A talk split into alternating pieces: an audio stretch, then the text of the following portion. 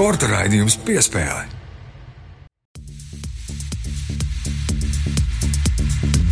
Esiet sveicināti Latvijas radio pirmā kanāla sporta raidījuma piespēle klausītāji. Mani sauc Mārtiņš Kļavinieks, un pie otra mikrofona, kā jau allaža, katru svētdienu Māris Bergs. Sveiks, Māri! Sveiks, Mārtiņ! Sveicināti klausītāji! Sporta karaliene vieglatlētiku šoreiz nomainīs sporta karalis futbols šajā raidījumā. Tas būs mūsu galvenais temats. Uzmanības centrā šoreiz Latvijas futbols. Runāsim par to. Tā problemātika viennozīmīgi, es domāju, ar neapbruņot aci to, ka viss nav kārtībā Latvijas futbolā un rožaini redz ik viens. Un tāpēc arī par to parunāsim. Galvenokārt skarot piramīdas pašu spīci Latvijas vīriešu izlasi, bet par to vispār runāsim. Bet galvenais viesis šodien lielajā intervijā būs Vladislavs Gutkovskis, izlases uzbrukuma līderis, kurš diemžēl nevar spēlēt šobrīd. Nu, jau divus mēnešus eh, atkopis no ceļgala krustenisko sāļu plīsuma un parunāsim, kur viņš to dara, kā viņš to dara, cik ilgi vēl viņš to darīs.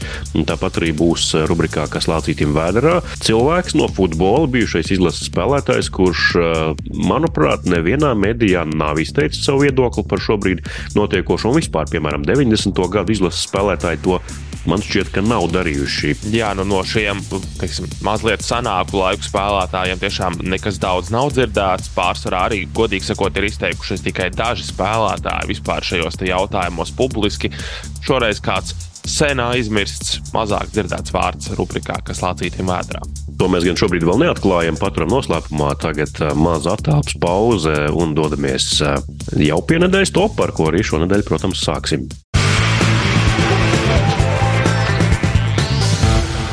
Piespēle.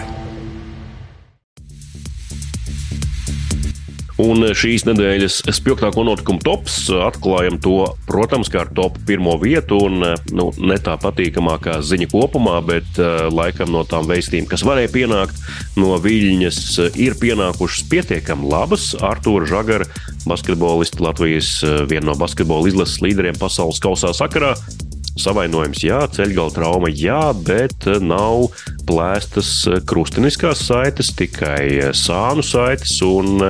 Tas nozīmē, ka nebūs jāatlapst aptuveni 9 mēnešus, bet tikai 5, iespējams, drusku vairāk vai drusku mazāk. Bet nu, tas ir tas aptuvenais virziena rādītājs, pēc kura mēs varam nu, vispār saprast, cik ilgi viņš nespēlēs.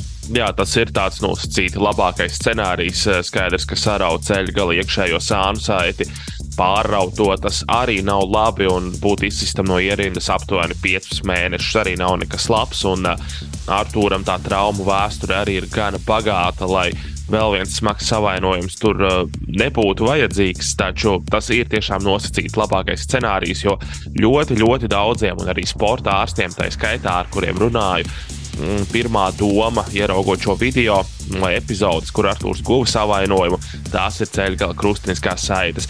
Kas attiecas tieši uz šo traumu, tad uh, nedēļas gaitā aprunājos ar Viļņas kluba prezidentu, pašu bijušo basketbolistu Rimantu Kaukānu. Atceramies viņu kā Lietuvas izlases vienu no vadošajiem spēlētājiem savulaik. Viņš izteicās, ka šī diagnoze ir noteikta veicot izmeklējumus. Un tur arī viņi aprunājās ar daudziem ārstiem. Tiešām ārstu skaits bija pietiekami iespaidīgs, kas ir iesaistīts šajā procesā, lai izvērtētu, kas tad īsti Arthūram ir. Bet viņš uzsvēra, ka pilnīgi precīzi un skaidri varēs saprast tikai tad, kad Arthurs būs gūlies uz operāciju galda, un turku ķirurgi, kuri veiks šo operāciju, tātad Stambulas Fenerbahča pāraudzībā, tad, kad viņi būs tiešām atgriezuši šo ceļu galu vaļā, tad arī varēs pateikt, kas tad īsti tur ir līdz galam. Jo izmeklējumos nevienmēr uzrādās pilnīgi viss, kas vien var būt. Tāpēc eh, var gadīties arī kādi nepatīkami pārsteigumi operācijas laikā. Novēlam, lai tā negadītos un lai tās tiešām būtu tikai sānu saites, un tie tiešām būtu tikai 5 mēneši. Un uh, otrā šīs nedēļas uh, spilgtāko notikumu top pieturvieta, tas nu ir oficiāli. Tas, par ko mēs, starp citu, pirms man šķiet, ka gadu arī runājām uh, Latvijas radio redzījumā piespēle ar Raimonu Strokšu, ka pasaules rallija čempionāta posms būs Latvijā, kurzemes ceļos, un tagad tas ir oficiāli apstiprināts kalendārā 18. līdz 21. jūlijas 2024. gads. Māris, domāju, to laikam es ļoti priecīgs ja, par to. Es, protams, par to esmu ļoti priecīgs, un es noteikti tāds neesmu viens. Skaidrs, ka rallija līdzjutēju lokus Latvijā ir ļoti plašs, un uh, daudz šo pasākumu gaida. Un, uh, VRC tie ir tādi trīs maģiski burti. Tas ir tāpat kā NHL, kā NBA, kā UEFA. Tas ir augstākais līmenis, kas vispār var būt. Un, teiksim, autosportā VRC kotējas kā otrs augstākā līmeņa autosporta čempionāts pasaulē tikai aiz pirmās formulas.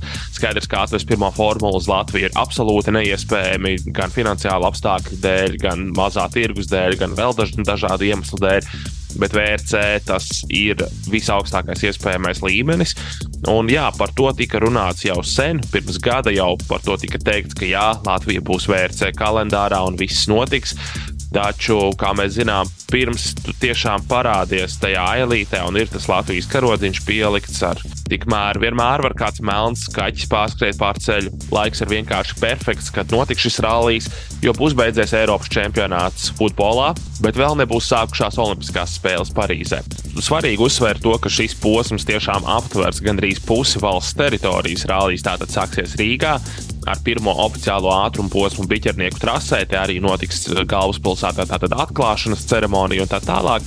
Un pēc tam rallijas lēnām virzīsies rietumu virzienā, tukums, talsi, dosies uz kuldīgu un beig beigās pēdējā dienā sportisti jau sacensties Liepājas pusē. Nu, droši vien varam teikt, ka tas ir viens no lielākajiem sporta pasākumiem, kādu Latvija jebkad ir uzņēmusi.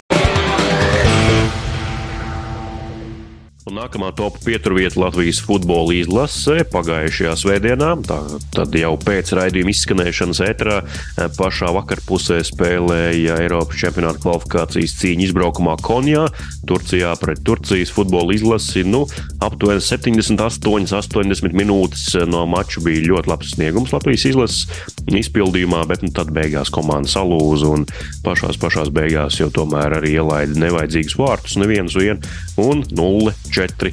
Es neteiktu, ka Latvijas izlase spēlēja ļoti labi. Tur bija viens tāds uzplaiksnījums otrā puslaika vidū, kad uh, jā, Latvija pārņēma iniciatīvu, sāka vairāk uzbrukt. Pie rezultāta 0-1 un Jānis Mikauniekam bija lieliski iespēja panākt izlīdzinājumu. Viņš sita ar galvu, bet trāpīja pa vārtu pārlikni.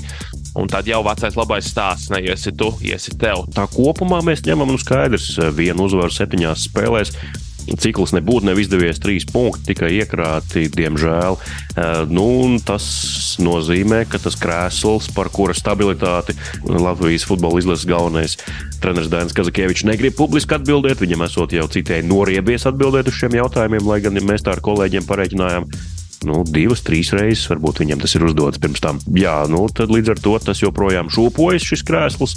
Nu, Daini vēl ir divas spēles Latvijas izlases galvenā trenera amatā kā minimums, pierādīja to, ka var labāk. Mēs liekam punktu šai futbola sadaļai raidījumā un dodamies pie vēl vienas, un tad pie vēl vienas, un tad pie vēl vienas. Bet nedēļas topā tikai viena no šīm. Un pēdējais šīs nedēļas topā pieturas punkts atkal futbols. Latvijas futbola virslīgas spraiga cīņa turpinās par Latvijas čempionu titulu futbolā. Riga joprojām ir vadībā čempionātā, bet tikai par trim punktiem atpaliek RFS komanda. Un šāds punktu atstatums jau ļoti ilgi, man šķiet, jau kopš vasaras šķir šīs abas komandas. Un, starp citu, arī Latvijas kausa izcīņā nākamnedēļ, 25. oktobrī, abas komandas tiksies savā starpā. Tā jau būs tāda prelūdija tam, varbūt ieskats, kurš tad varētu būt beigās sezonas labāks. Bet tā tikai viena spēle skaidrs, ka tas nedos nekādu tādu galēju atbildi šo jautājumu. Bet tas, ko vēlos pateikt, ka RFS šīs cerības vakar varēja zaudēt, bet nezaudēja. RFS komanda uzvarēja Tūkuma vienību, Lokas stadionā ļoti pielījušā laukumā, sliktos laikapstākļos un, jā, esot iedzinējos, pēc tam pašās spēles beigās izrauts 4 pret 4 un kompensācijas laikā Žiga Lipušķeks iesit piektos vārtus un panāk eiforiju RFS komandas rindā rindās un arī saglabāt cerības dzīves par čempionu titulu. Nu, tā iespējams bija viena no pēdējās piecgadus, varbūt kas zina, desmitgadus aizraujošākajām spēlēm Latvijas futbola vislīgā. jā, nepārāk bieži gadās šādas saspringtas spēles arī ar lielu rezultātu. Galu galā gūtie vārti tā ir viena no lietām, ko mēs visi vēlamies redzēt sporta veidos, kur tev kaut kas ir jādabū iekšā vārtos, vai, tas, vai tā būtu bumba, vai tā būtu ripa, vai vēl kāds cits rīks. Bet mēs savukārt liekam punktu nedēļas topam un dodamies pie lielās intervijas. Tur Vladislavs Gutkovskis pastāstīs, kā viņš atlaps no ceļa gala krustenisko saišu traumas. Sporta raidījums piespēlē.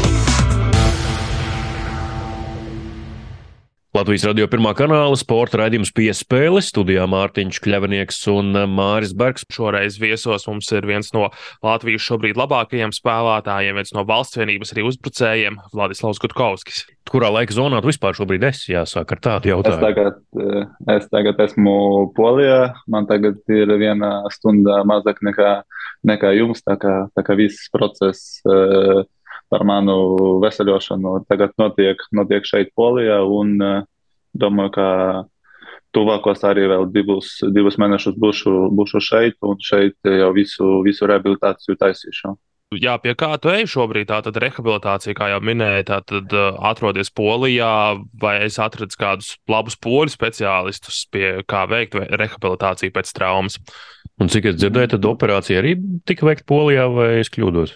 Jā, jā, tiešām tā, tā, tā arī bija. Ļoti, ļoti labi, ka klubs, kur tagad, tagad spēlēju, un uh, ka viņi man uh, apstiprināja un uh, atļauja, jā, lai, lai es varētu taisīt arī operāciju šeit, jo šeit arī divas, divas operācijas, kuras bija pirms tam arī, arī taisīju šeit, šeit Polijā pie viena tā paša doktora. Tā kā prasīju, vai būs tāda vai viņi varas uh, atļaut man eh, lidot šeit un uh, šeit taisīt operāciju. Un viņa teica, ka, ja, protams, nav nekādas problēmas, ka arī varu re, rehabilitēties šeit. Un, tas bija ļoti, ļoti patīkami no, no viņas puses, ka viņa tā atļauja, jo atbraucu tur uz mēnesi, labi, varbūt kaut kur uz diviem mēnešiem, un tagad aizlidoju prom uz sešiem mēnešiem. No tā, tā, tā, ir, tā ir, protams, kā liels, liels arī paldies viņam, ka viņi tā atļauja un ka varēju visu, visu izdarīt šeit. Un, protams, kā Polija varēja pateikt, ka spēlē septiņus gada, septiņu gadus un ka ir otrā, otrā mājā. Tā kā, protams, kā rehabilitācijas process viņš ir ļoti ilgs, ļoti tāds ne ļoti patīkams. Nu, un labi, ka varu šeit arī arī sarunāties un kaut kur, ziniet, ka, ka tā ir kaut kur pajokot uz tiem treniņiem un ka ir labāks konteksts nekā būtu tur Korejā. Tur būtu viss, vis, domāju, kā grūtāk. Nu jā, tomēr zināma vide tas arī varbūt veicina kaut kādā mērā, varbūt ātrāk atlapšanu, kas to lai zina. Bet, jā, nu, tad sāksim droši vien arī ar to nepatīkamāko, ja jau ierunājāmies. Pastāst varbūt radio klausītājiem, kā tu vispār šo traumu guvi un, un kas tā vispār ir par traumu. Varbūt tu vari arī beidzot nu, tā publiski pateikt, kas tad īsti tev kaiš. Saravu krusteniskas saites un priekšfutbolista tā ir viss tāda vis, eh, kā to pateikt, vis, nepatīkamākā trauma. Ja? Vis, jā, jā, jā, var pateikt, tā visnepatīkamā priekš katra sportista, es jau domāju, jo tas ir eh, tevi, tu ne, nevari spēlēt seš, se, no sešiem līdz deviņiem mēnešiem.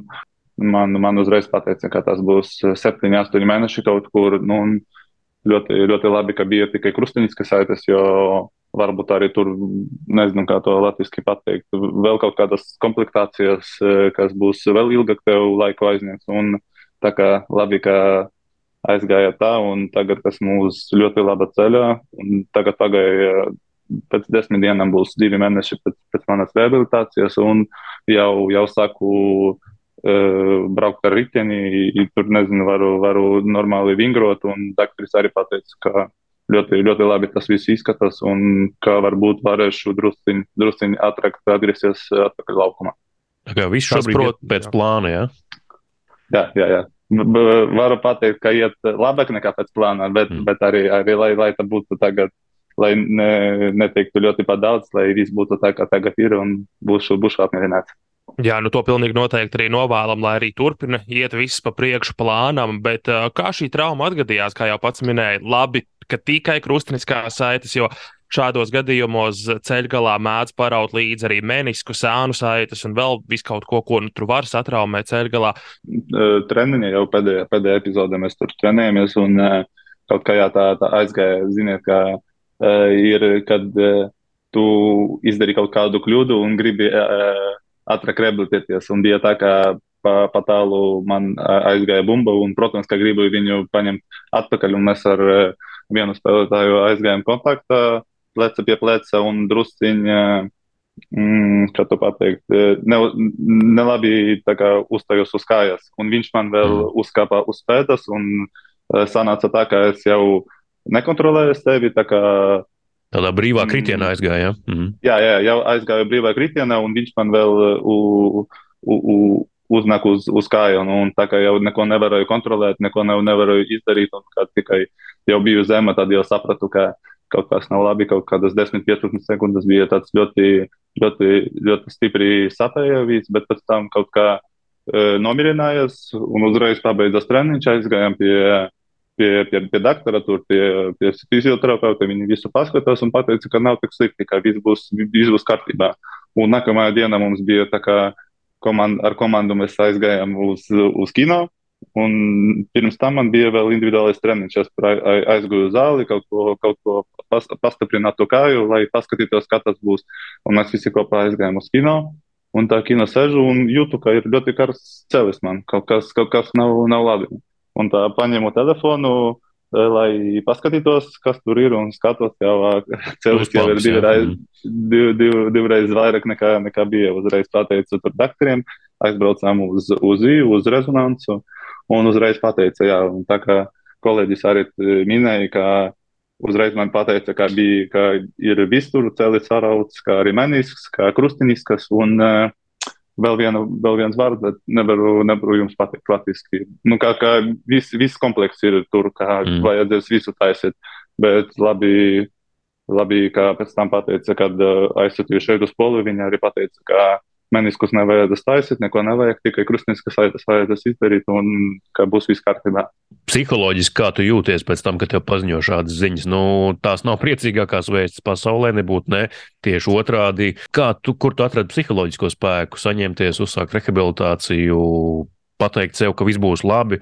Nu, pateikšu jums tā, ka, protams, kā pirmas tādas vienu, divas dienas bija grūtākās, varbūt bija ļoti daudz padomās par, par to visu, varbūt izdarīju ne to virzienu, kā, kā vajag, varbūt nevajadzēja šeit braukt. Nu, ziniet, kā ir, kad ir slikti, mm. domā, domā uzreiz par visu, kas, ka, kas tev ir galva, bet ļoti labi, ka bija arī sieva kopā ar mani tur Korejā, ar viņu daudz tur runāja, viņa man tā nomierināja, un, protams, ka ar visiem vecākiem runāju, arī no, no nacionālās izlases arī uzreiz visiem pazvanīju, un ka fizioterapeiti visi zināja, arī galvenais treneris man zvanīja. Domāju, liksim punktu šim tematam par šo traumu, kā jau iepriekš teicu, novēlu, protams, pēc iespējas ātrāk atgriezties laukumā, bet nepārsteigties, kā dažreiz, protams, sportistiem gadās, visi jau grib pēc iespējas ātrāk būt atpakaļ. Bet par Dienvidkoreju mazliet parunāsim par to, Kā tu vispār nonāci šajā valstī? Protams, neviens nešaubās, ka Dienvidkoreja ir pietiekami augsts līmenis, zinām, ko spēj izdarīt viņu nacionālā izlase, bet par pārēju uz klubu. Kā tur īsti ir? Kurš kuru atrada? Klubs atrada tevi, vai tu un tavs aģents atradāt šo te Teģonas klubu paši? Kā, kā šis process eh, notika? Mēs bijām kopā, kopā ar Rakavu, mēs bijām Polijā uz nometni, kad jau sākas sagatavošanās sezonai. Pēc tam aizbraucām uz Austriju.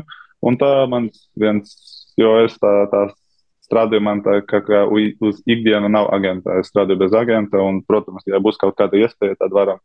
Ar, varu ar katru parunāt, ja būs tā kā tagad eh, arī sanāca, ka bija kaut kāda iespēja, viņš atnāca un teica, ka eh, pazvanīja man vienu dienu, ka ir tāds, tāds un tāds klubs, kā, vai tev ir interesanti, un uh, atsūta man visu informāciju par kontraktu, kā tas viss izskatās. Nu, es pateicu, ja ir interesanti, protams, ka tur jau vēl drusciņi. Drusciņi kaut ko viņi iedos vairāk, tad būs, būs protams, ka tad, tad varu teikt, ka jā, un ja viņi arī sarunāsies uh, ar, ar, klubu, ar klubu, ar Dakubu, tad, protams, ka no manas puses nebūs problēmas, es esmu gatavs, varu, varu, varu lidot tur.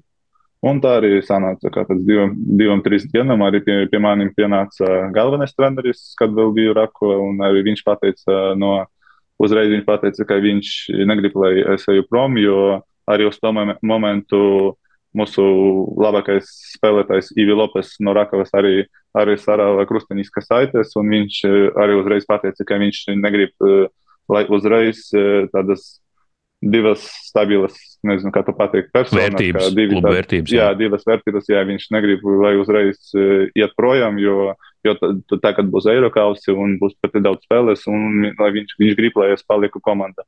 Bet es viņam arī pateicu, ka no manas puses varbūt uh, tikai viena, viena tāda, tāda iespēja, kad uh, atnāc ar šādu piedāvājumu un ka gribu viņu, gribu tur aiziet.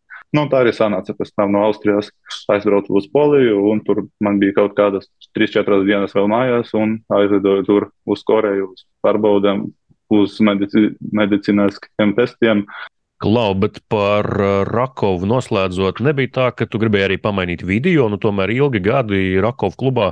Nu, Gāja tev tur ļoti labi, tev tur viss cienīja, fani tevi mīlēja, bet tomēr reizēm sportistam taču gribas pamainīt vidi un uh, kādu jaunu izaicinājumu sev dzīvē. Varbūt arī tas bija dzinulis, kāpēc tu tomēr piekriti šim Dienvidkorejas piedāvājumam. Jā, protams, arī, arī bija tāds, tāds fakts, ka pēc, sezon, pēc sezonas, kad uh, aizgāja arī galvenais treneris Marks Papšons un ka, kad mums bija tur brīvs uh, atvaļinājums un Rakovs tikai paziņoja, ka viņi paņem vienu uzbrucēju, otru uzbrucēju. Un es tā, tā domāju, arī, nu, nu labi, ja, ja tagad trīs gadus biju šeit, Rakup meklē visu laiku kaut kādu uzbrucēju, vēl labāku, vēl labāku, un tagad viņi vēl parakstīja divas uzbrucējus. Nu, tad man bija drusku tā iekšā, ka, ka viņiem kaut kas nepatīk, ka viņi kaut, mm. grib kaut ko jaunu, viņi grib kaut ko pamainīt. Un, protams, tas arī bija viens no, no spektriem, kāpēc, kāpēc arī gribēju aiziet. Jo Bet kā jums ar uh, Rakovu beigās palika šķīrāties nu, tā, ar labām attiecībām, vai tur visi tilti ir nodedzināti un Čenslahovā vairāk nekad neatgriezīsies? Nē, nē, nē nu, tas, tā, tas, tā, tā, tā nebija pateikts. Bija viss vis kārtībā un ļoti labi mani šķiramies un arī biju uz, uz pateikt, arī bijām uz pusdienām ar prezidentu, ar viņu arī pārunājām. Un, līdz, līdz šodienam esam kontaktā, tāpēc, ka tagad dzīvoju Katovice un šeit ir no, no, no Čensla, līdz Čenslahova ir kaut kādi 40 km. Tā kā, protams, kā nāku uz viņa, uz, uz Rakova spēlēm, tagad, kad viņa arī spēlē Eurokausos, arī biju tur, uh, atbraucu ģērbtuva pie, pie komandai, tur rakstīju trenerim vai vai varēšu tā, tā diena atbraukt, ja gribu, gribu kafiju tur izdzert ar, ar spēlētājiem tā un tā. Un viņš, protams, pateica, ka nav nekādas problēmas, kā arī parunāsim kaut ko tur un tur. Tā kā esam ļoti labā, labā kontaktā un domāju, ka, ka varbūt vēl kaut kā varam, ja varēsim vēl kaut ko, kaut ko labu izdarīt. Par uh, Dienvidkoreju tā tad, nu, tu tur nebija ilgi, bet uh, te, Džona, es, te, starp citu, izmantoju māti Google, mm, internetu atvēru vaļā. Te, Džona, ir viena no sešām Dienvidkorejas lielpilsētām. Pēc iedzīvotāju skaita tā ir piektā lielākā Dienvidkorejas pilsēta. Tā saka Wikipēdijas uh, resurss, un te, Džona, tiek dēvēta par Āzijas silīcija ieleju vai augsto tehnoloģiju pilsētu. Tā tad, uh, nu, viena no attīstītākajām Dienvidkorejas pilsētām vispār. Kāda izskatās pilsēta, ko tur var darīt, kas tur notiek? Tiešām, tiešām ļoti, ļoti patika to tajā brīdī, kad es tur, tur biju. Jā, tā, tā kā tu pateici, ir ļoti liela, liela pilsēta, vēl visur ne, nebija laika man aiziet un kaut ko, kaut ko paskatīties, bet, protams, kad, kad bija, bija laiks kaut kur tur arī kopā ar sievu. Uh, bijām, bet nedaudz, nedaudz vietas, jo, kad mēs tur bijām, tas bija vasarā, un tur bija visu laiku 36, 38 grādi un bija ļoti karsti. Un tā kā braucu tikai uz treniņiem, nomocīties uz tām treniņiem un ātrāk, ātrāk mājās, lai, lai būtu augstāk. Un, un, protams, kā gaidu tagad, varbūt, kad uh, lidosim arī kopā pēc jaunā gada, un tad būs drusku augstāk, un tad varēsim vairāk, vairāk redzēt par, par pilsētu un kā tur vispār ir. Bet tā ļoti, ļoti pirmā iespēja ļoti patika. Man tur jā, ļoti liela pilsēta. Man, man šķiet, ka viens ar pus miljonu kaut kā, kaut kā tāda lielums. Tā kā uh, točna būs ko, ko darīt tur.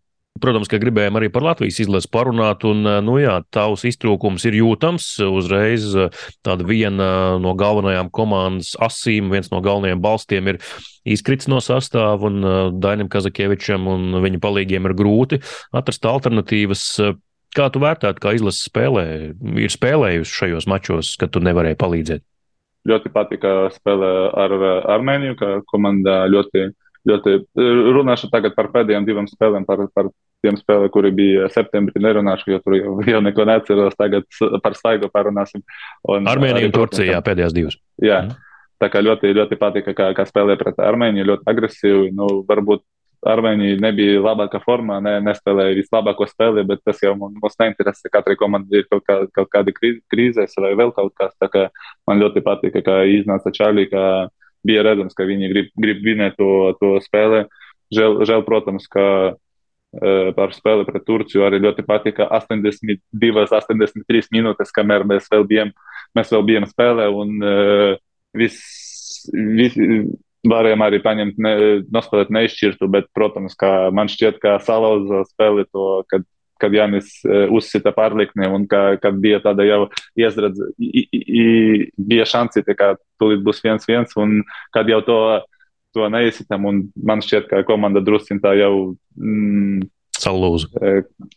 Varbūt salūza, jā, arī, protams, kā salūza tās otrais gols, kā varbūt, ja būtu 1-0, būtu vēl kaut kāda situācija, bet, bet jā, bet tā, tā situācija, kā neiesitam, varbūt drusciņi arī, arī kaut kur uzsita, nekur, nekur vajag, un, protams, kā jau pēdējos, pēdējos desmit minūtes bija, bija ļoti nepatikami, nu, bija, bija redzams, ka komanda nokrita, ka jau ir uz ceļa, un ka turki tikai gribēja, ko darīja, ko, ko gribēja, un arī tādas, tādas kļūdas, ka ka, ka Daniels tur baladīs uztaisīja, negribu viņam tagad neko, neko parmest, jo tā, tā, tas jau ir normāls, ka kļūdas ir normāls futbolā, bet, bet jau tādas, tādas situācijas bija redzams, ka jau zaudējām koncentrāciju, jau visu zaudējām un ka ļoti žēl, ka tā pabeidzās. Jo, jo pat, pat ja būtu 1-0 vai 2-0 pret, tagad pret, pret Turciju, kur ir laba formā, ir, ir pirmā vieta grupā, nu, būtu, būtu, būtu labs rezultāts. Bet, nu, protams, visvairāk žēl, ka, ka ne, nepaņēmām punktus. Tur. Jā, nu šis mačs pret armēņiem, kur Latvijas izlasē izdevās izcīnīt uzvaru, to tomēr nu, zināmā mērā nedaudz aizēnoja līdzjutēju protests pret uh, Dainu Kazakeviču. Tieši pret viņu, nevis pret komandu, bet pret, bet, uh, pret galveno treneri. Kā tu vērtē un ko tu domā par uh, šādu līdzjutēju gājienu? Protams, ka ļoti, ļoti daudz domāju par to arī un bija ļoti, ļoti nesapratu šo, šo protestu, jo, kad bijām uh, Nāciju līga un vinnējām visas spēles, viss bija, viss bija priecīgi, viss bija kārtībā, un Dainis bija labākais treneris. Viss, viss gāja tā, kā vajag. Protams, ka tagad ir komandai drusciņa krīze, ka kaut kur neiet mums, ka mums kaut kas nesanāk. Protams, ka mēs esam tāda, tāda izlase, kad ir vairākas spēles ne, nevinējam, ne, nevaram paņemt punktus. Nu, ir, ir, ir ejam vēl vājāki, vājāki un vājāki, pēc tam, kad nav varbūt kaut kur tās, ne, nesajūti to, ka nav tādas ķīmijas uz, uz laukuma, kā, kā, kā tagad bija redzams pēc Armēnijas spēlēs, bija redzams, pret Turkiem izgājām un ka bija tādas, kad katrs atdodas, ka, ka, ka katrs varēja tā domāt, ka varam paņemt punktus.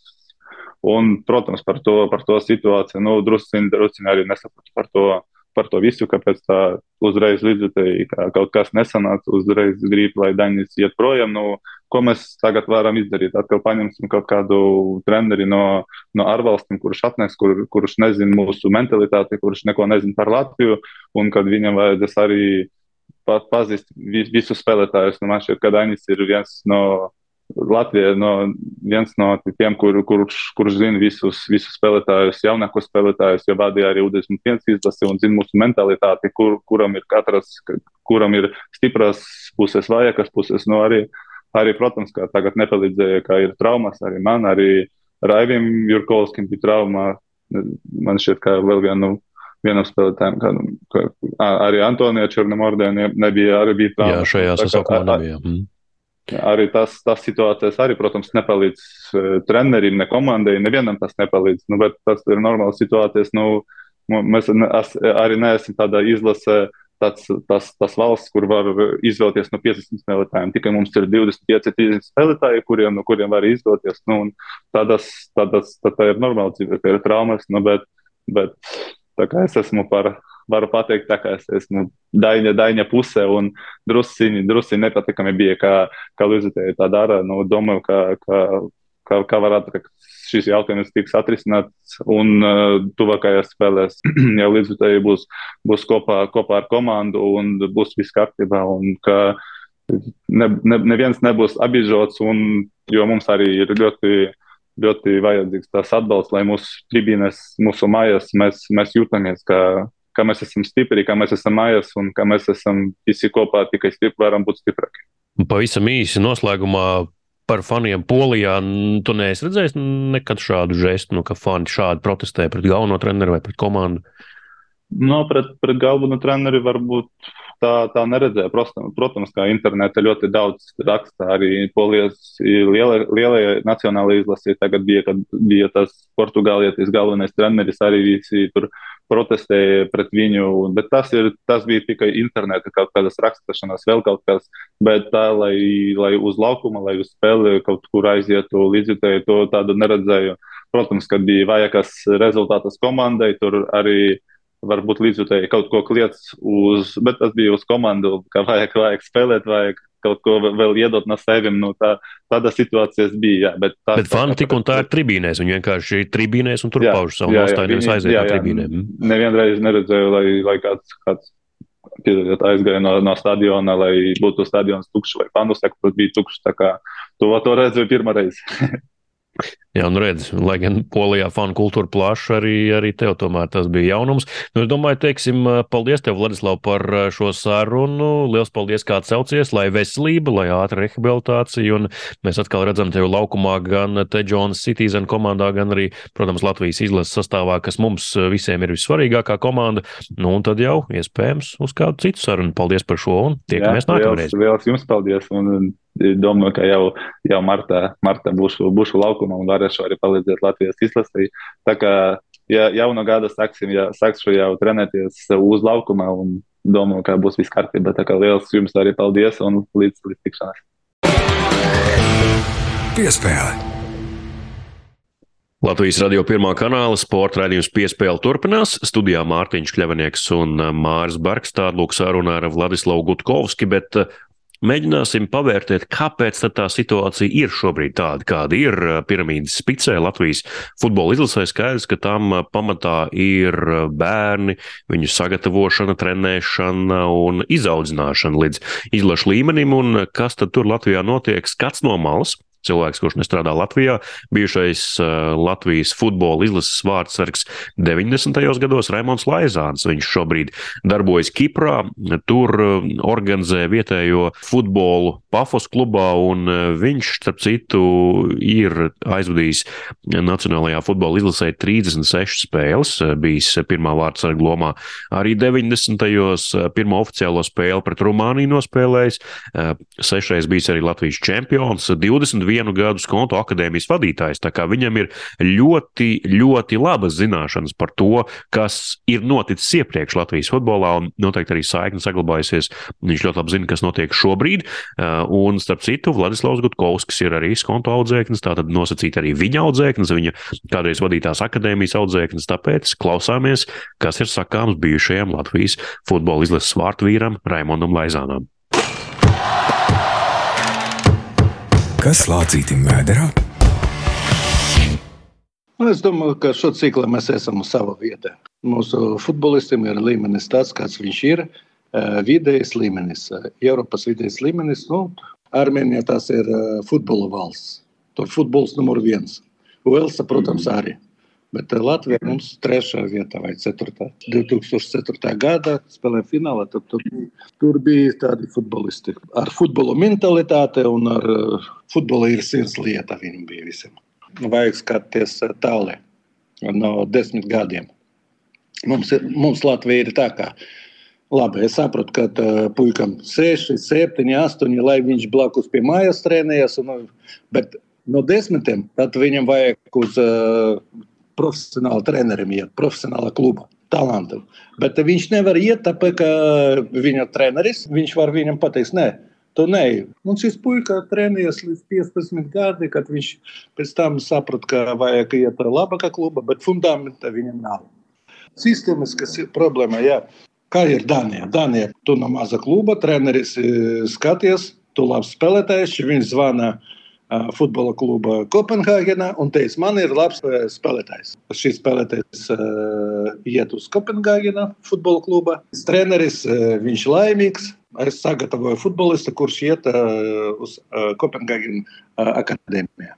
bez valsts programmas nekādas sekas nav. Vajag palīdzība. Ne tikai šodien, ja es zinu, ka valsts palīdzēja algu maksu trenerim. Un, nu, ir, ir tāda sistēma, bet uh, tas par maz.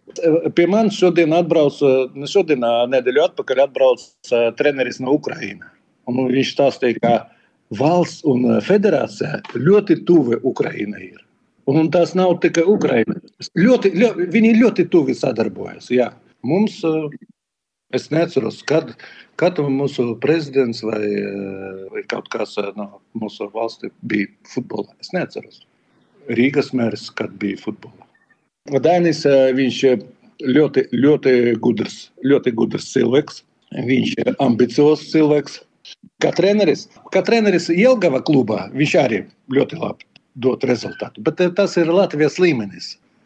Viņam vajag būt mentalitāte Eiropas līmenī futbolā. Es, es, es ceru, ka mūsu klausītāji to saprata, par ko es runāju. Bet vajag ne parasto speciālistu, ar titulu paņemt speciālistu, kurim, kuram ir praksa. Jā, un ne tikai vienu. Viņam vajag braukt eh, ar savu treneru komandu. Ne, ne 10, 15 gadus, 15 gadi. Tas, eh, tas solis bija katram Francija, Vācija, Anglija. Visas valstis tas, tas ir programmā. Nu, skatāmies, mēs atceramies Islandē. Ne, nevajag neko jaunu izdomāt. Vajag attīstīt sporta bāzes. Rīga mums ir eh, vairāk nekā 600 tūkstoši cilvēku. Nu, tad vajag attīstīt. Mums divas sporta bāzes ir labas. Meža parkā un Rīgas futbola skolā. Bet vēl, vēl vajag 4-5 tādas sporta bāzes attīstīt un palīdzēt, palīdzēt uh, ar budžetu, apmācīt, palīdzēt uh, bijušiem futbolistiem sākt uh, strādāt futbolā. Mums šodien futbolists beidzas spēlēt, un kas ar viņiem noticis? Neviens nezina. Ar pušu trenē santehniķi, mehāniķi vai viskās, bet ne futbolisti. Sporta raidījums piespēlē. Latvijas radio pirmais kanāls, sporta raidījums piespēle studijā Mārtiņš Kļavinieks un Māris Barkstāda. Lūk, saruna ar bijušo Latvijas futbola izlases vārdu sargu Raimonu Laizānu. Es domāju, interesanti domu graudi, ko varbūt Latvijas futbola federācija var arī kādu paņemt sev un ieviest iespējams savā praksē, bet kopumā mums ir prieks par to, ka izsakās vēl kāds cits bez dažiem bijušajiem izlases spēlētājiem, kurus var saskaitīt uz vienas rokas pirkstu rakstiem, kur parasti sniedz komentārus par Latvijas futbolu. Tāpēc uh, tai sarunai šobrīd ir šāda nosacīta vērtība. Pat pārsteidzoši maz spēlētāju, bijušo spēlētāju izsakās uh, par uh, futbola izlasē notiekošiem procesiem. Ne tikai futbola izlase, bet vispār par futbolu Latvijā kā tādu. Cerams, ka jums šis raidījums šķiet interesants. Divas tiešām, mūsuprāt, interesantas sarunas par futbolu. Un ar to piespēle šonadēļ izskan, bet, protams, būsim atpakaļ jau pēc nedēļas, un tad arī tradicionālā rubrika ciemos pie Gunāra Jākapsona. Gunārs būs atpakaļ studijā, un arī mēs, protams, būsim šeit ar interesantiem viesiem. Varam pateikt, ka tiešām ļoti interesantiem dažādās šķautnēs, tāpēc gaidiet nākamās svētdienas raidījumu. Mēs šoreiz no jums atvadāmies, sakām paldies, ka klausījāties, lai arī kur to darījāt lineārajā apraidē Latvijas radio arhīvā vai raidierakstu vietnēs, kur arī dzīvo raidījums piespēle. Dariet to arī nākamā svētdiena un jebkurā sev ērtā laikā. Paldies un uz sadzirdēšanos jau pēc nedēļas. Uz tikšanos!